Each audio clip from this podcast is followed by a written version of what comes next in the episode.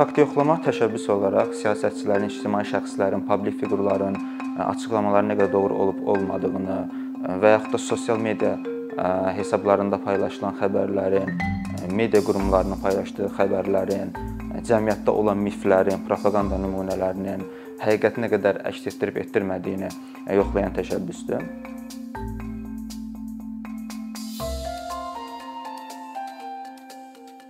Fakt yoxlamanın iki əsas deməli belə deyək də qolu var, metodu var. Biri var ənənəvi metod. Bu metodda sırf siyasətçilərin, publik şəxslərin, ictimai tanınan şəxslərin açıqlamaları yoxlanılır. Yeni trend var son illərdə formalaşan. O trend də daha çox media qurumlarının xəbərlərinin, sosial media hesablarında paylaşılan xəbərlərin dezinformasiya olub-olmadığını yoxlayır. Fakt yoxlama təşəbbüs olaraq əslində uzun müddətdir davam edən bir təşəbbüsü 90-cı illərin əvvəllərində məsəl üçün hal-hazırda fəaliyyət göstərən Snops kimi saytlar var ki, onlar 90-cı illərdən fəaliyyət göstərirlər. Onlar daha çox dezinformasiyaları, cəmiyyətdə olan mifləri falan yoxlayırlar, amma nəticə etibarilə o da fakt yoxlama prosesidir. Amma 2000-lərin əvvəlindən etibarən təxminən 2003-də fakt-çek orqan yaranması ilə 2007-də Politfaktın yaranması ilə bu trend daha da inkişaf elədi. Amma əsas belə deyək, sürətli inkişaf 2010-lardan sonradır. Hətta 2010-lardan sonra o qədər sürətli artmağa başladı ki, bu tip təşəbbüslər 2015-də bir şəbəkə yaratmaq qərarına gəldilər. Beynəlxalq fakt yoxlama şəbəkəsi adında bir şəbəkədir, IFCN International Fact Checking Network.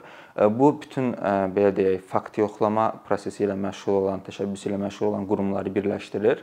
Onların davamlı olaraq zirvə görüşlərin təşkil edir, onların belə deyək, problemlərin həll olunmasında dəstək göstərir və digər şəkildə və onlar öz prinsiplərini müəyyən ediblər. Hansı ki, o prinsiplərə, ancaq o prinsiplərə riayət edən və yaxud da riayət elədiyini təsdiqləyən, sübut edən qurumlara müraciət edirlər və həmin qurumların müraciətlərini qəbul edib üzv eləyirlər və üzv etdikdən sonra onlara bir belə deyək, ştamp hədiyyə eləyirlər saytlarında göstərmək üçün ki, onlar həqiqətən də beynəlxalq fakt yoxlama şəbəkəsinə üzvdürlər. Prinsipləri müxtəlifdir onların. Əsas prinsiplər tərəfsizlikdir təbii ki. Bütün fakt yoxlama işi ilə məşğul olan həm qurumlar, həm şəxslər tərəfsiz olmalıdırlar, müstəqil olmalıdırlar fəaliyyətlərində heç bir siyasi tərəflik olmamalıdır. Bu fakt checkerlərə, yəni fakt yoxlama işinə məşğul olan şəxslərə də aiddir. Onlar heç bir şəkildə nəinki partiyaya üzv olmaq, dəstəkləmək, hətta seçki kampaniyasında belə heç kimi dəstəkləyə bilməzlər, çünki öz tərəfsiz tərəfsizliklərini qorumalıdırlar. Digər məsələn bir prinsipləri var, mənbələrin şəffaflığı, fakt yoxlama işi ilə məşğul olan hər kəs bunu açıq mənbələr hesabına eləməlidir. Yəni hamıya məlum olan, hamının gördüyü, hamının özünün çata biləcəyi mənbələrdir. Yəni məsələn, mənim filan nazirlikdə bir dostum var, filan məlumatı verib mənə, ona görə mən bu xəbəri təsdiqləyirəm və yaxud təsdiqləmirəm. Belə olmur. Hamı o mənbələrə çatımlı olmalıdır. Fakt yoxlama ilə məşğul olan hazırda yüzü belə deyək, deaktiv olmaqla davamsız fəaliyyət göstərməli ümumilikdə 400 bu tip qurum var. Yəni 300-ü aktiv şəkildə fəaliyyət göstərir. Dünyanın müxtəlif yerlərində fəaliyyət göstərirlər. ABŞ-dan tutmuş, Yaponiyada, Avstraliyada, Avropada, Kanadada çoxdur. Hətta bəzi İran kimi dövlətlərin də mediasını, siyasətçilərin açıqlamalarını yoxlayan yəni fakt yoxlama qurumları var. Düzdür, onlar Kanada mərkəzlidirlər bildiyim qədərilə. Yəni İranlı güman ki, mühacirlərin qurduğu bir belə deyim, fakt yoxla təşəbbüsüdür, amma nəticə etibarilə İranlı siyasətçilərin açıqlamalarını yoxlayıb və cəmiyyəti məlumatlandırırlar. Bu trend o qədər inkişaf eləyib ki, o qədər belə deyək, diqqət mərkəzindədir ki, artıq nəinki ayrıca qurumlar fəaliyyət göstərirlər, eyni zamanda nəhəng media qurumlarının tərkibində, məsələn, Associated Press-də, CNN-də, Reuters-də, redaksiya heyətində onlar xüsusi bir tim qrup saxlayırlar sırf faktları yoxlamaları üçün. O faktı yoxlayan qruplar isti xəbərlərini, düz isti xəbərləri yoxlamaq çətindir, çünki detalları məlum olmur cəm, yəni ictimaiyyətə. Biraz bir qədər çətin olur isti xəbər yoxlamaq, amma nəticə etibarilə əllərindən gələn edirlər ki, verilən xəbərlər tamamilə doğru olsun, həqiqət əks etdirsin. Ən əsas təşəbbüs belə deyək, diqqətə dəyər təşəbbüs təbii ki, sosial şəbəkələrdən gələn təşəbbüsdür. Sosial şəbəkələr də bu trendin fərqinə varırlar, bilirlər ki, dezinformasiyalar ən çox onların üzərindən, sosial şəbəkələrin üzərindən yayılır. O səbəbdən onlar özləri də artıq bu tip dezinformasiyalarla mübarizə aparmağa qarşılarına məqsəd qoyublar.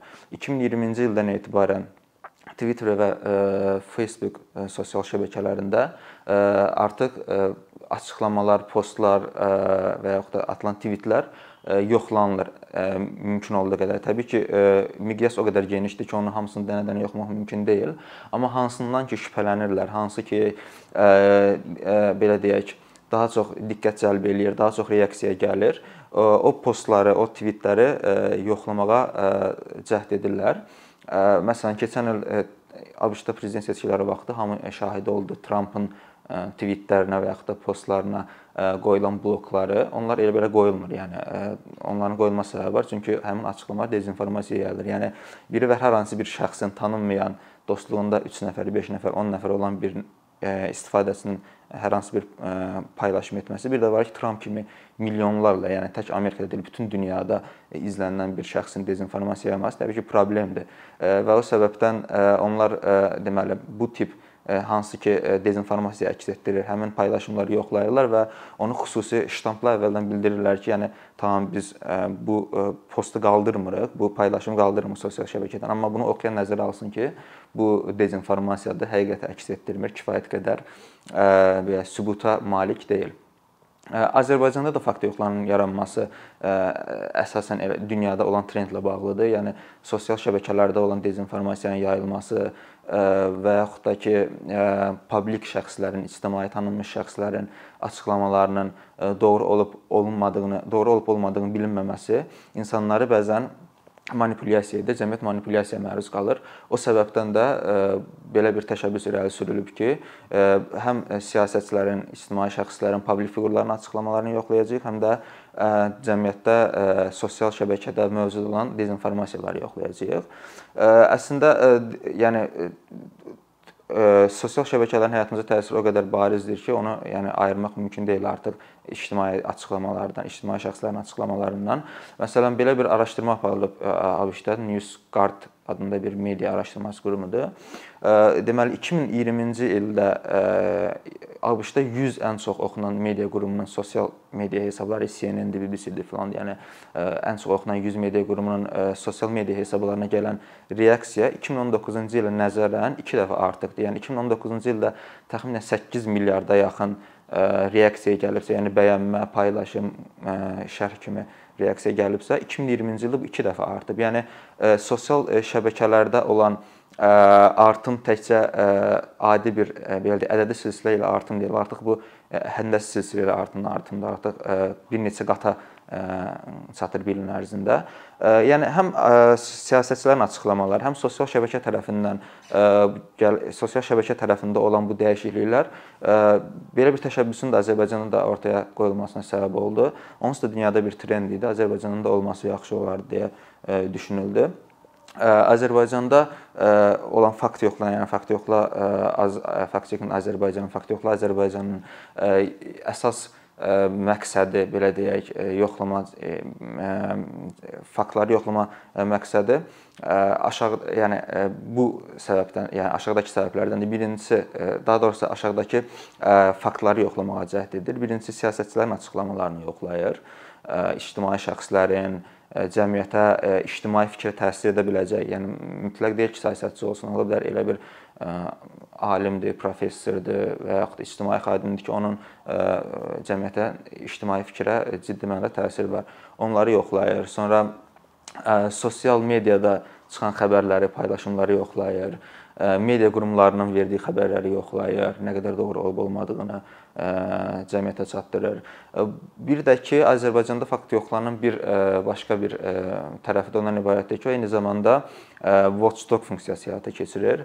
Azərbaycanda olan belə deyək, Azərbaycanda qanunvericiliyini, verilən qərarları, insan haqqlarına, dünyada mövcud olan hüquq praktikasına nə qədər uyğun olub olmadığını yoxlayır. Bu da bir təşəbbüsdür fakt yoxla tərəfindən.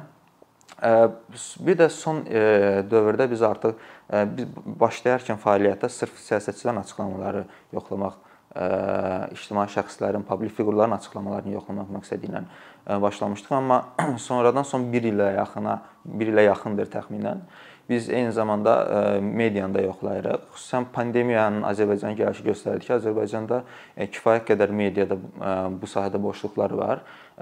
Kütləvi şəkildə dezinformasiya yayılır, kütləvi şəkildə sosial media hesablarından propaqanda nümunələri yayılır sırf pandemiya kontekstində ilk dövrlərdə və biz belə qərara gəldik ki, eyni zamanda sosial medianın da, media qurumlarında yoxlayaq. Eyni zamanda bizim şəxsi olaraq səhifəmizə gələn informasiyaları da yoxlayırıq. Yəni bəzi yazırlar ki, bu bu faktlar təqdim olunur mediada. Bunlar doğrudanmı və yaxud yanlışdırmı? Onları da yoxlayırıq. Pandemiya dövründə biz hardasa 8-ə yaxın video dərc elədik miflərlə bağlı, pandemiya ilə bağlı. Məsələn, həmin dövrlər elə bir dövr idi ki, hamı informatsiyasız idi.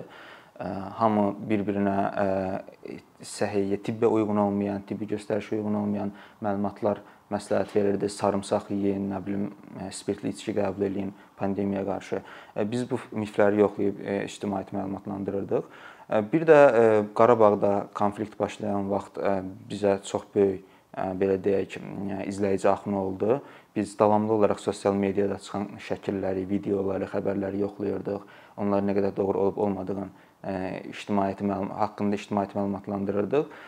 Onda həm izləyici baxımından, həm gələn reaksiyalar baxımından, həm səhifənin belə deyək, mesaj qutusuna gələn məktublar baxımından çox belə deyək, aktiv dövr idi. Hamı maraqlanırdı, hamı bilmək istəyirdi. Çünki cəmiyyəti maraqlandıran hadisələrdə insanlar adətən hər kəsə toxunan hadisə olduğuna görə insanlar maraqlı olurlar bu tip məsələlərdə. Azərbaycanda fakt yoxla ilə bağlı xüsusi bir çətinlik, yəni faktların yoxlanması prosesi ilə bağlı çətinlik ondan ibarətdir ki, fakt yoxla ilə bağlı faktların belə deyək, yoxlanması ilə bağlı Azərbaycanda datalar kifayət qədər deyil. Biz data tapmaq üçün çox çətinlik çəkirik faktları yoxlayarkən. Çünki qurumlar davamlı olaraq dərc eləmirlər dataları və biz də məcbur oluruq ki, ya dünyada istifadə olunan, dünyada belə deyək, beynəlxalq səviyyədə dərc olunan reportlara, hesabatlara istinad eləyək və yaxud da ki, hər hansı bir quruma sorğu göndərək həmin cavabı almaq üçün əsas iş prosesində çətinlik bu olur. Bir də ki, gələcək perspektivdə daha çox dezinformasiyalarla bağlı işləməyi planlaşdırırıq. Sosial mediaya diqqətimizi artırmağı planlaşdırırıq. Media qurumlarına fəaliyyətinə, onların paylaşdığı xəbərlərə diqqət artırmağı planlaşdırırıq. Bundan əlavə biz həm də mif kimi, propaqanda kimi hansı ki, cəmiyyətin manipulyasiyasında böyük rol oynayır. Bunları da yoxlayırıq.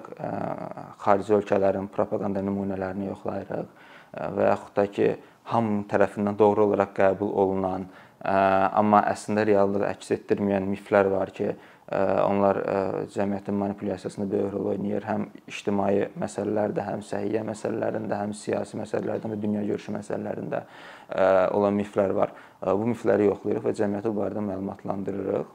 Dediyim kimi media qurumlarının, ictimai şəxslərin açıqlamaları cəmiyyəti manipulyasiya edir. Əvvəl də edirdi, indi edir, gələcəkdə də edəcək. Bunlar bu iş prosesinin bir parçasıdır. Xəbər varsa, orada yalan xəbər də olacaq, açıqlama varsa, orada yalan açıqlama da olacaq. Fakt yoxlarının da məqsədi odur ki, bu yalanları, yanlışları, manipulyasiyaları nümunə olaraq tapıb, onları işləyib cəmiyyətə təqdim edib, onları məlumatlandırmaqdır. Əkinçinin yeni videolar haqqında məlumatlı olmaq üçün kanalımıza abunə olmağı və xəbərdarlıq funksiyasını aktivləşdirməyi unutmayın. İmkandan istifadə edərək cari patronlarımıza işlərimizi davam etməyə yardım olduqları üçün dərin təşəkkürümüzü bildiririk. Əkinçinin Patreon icmasının üzvü olaraq siz bizim təşəbbüsə dəstək göstərməklə bərabər hazırladığımız materialları hər kəsdən öncə izləmə imkanı əldə edəcəksiniz.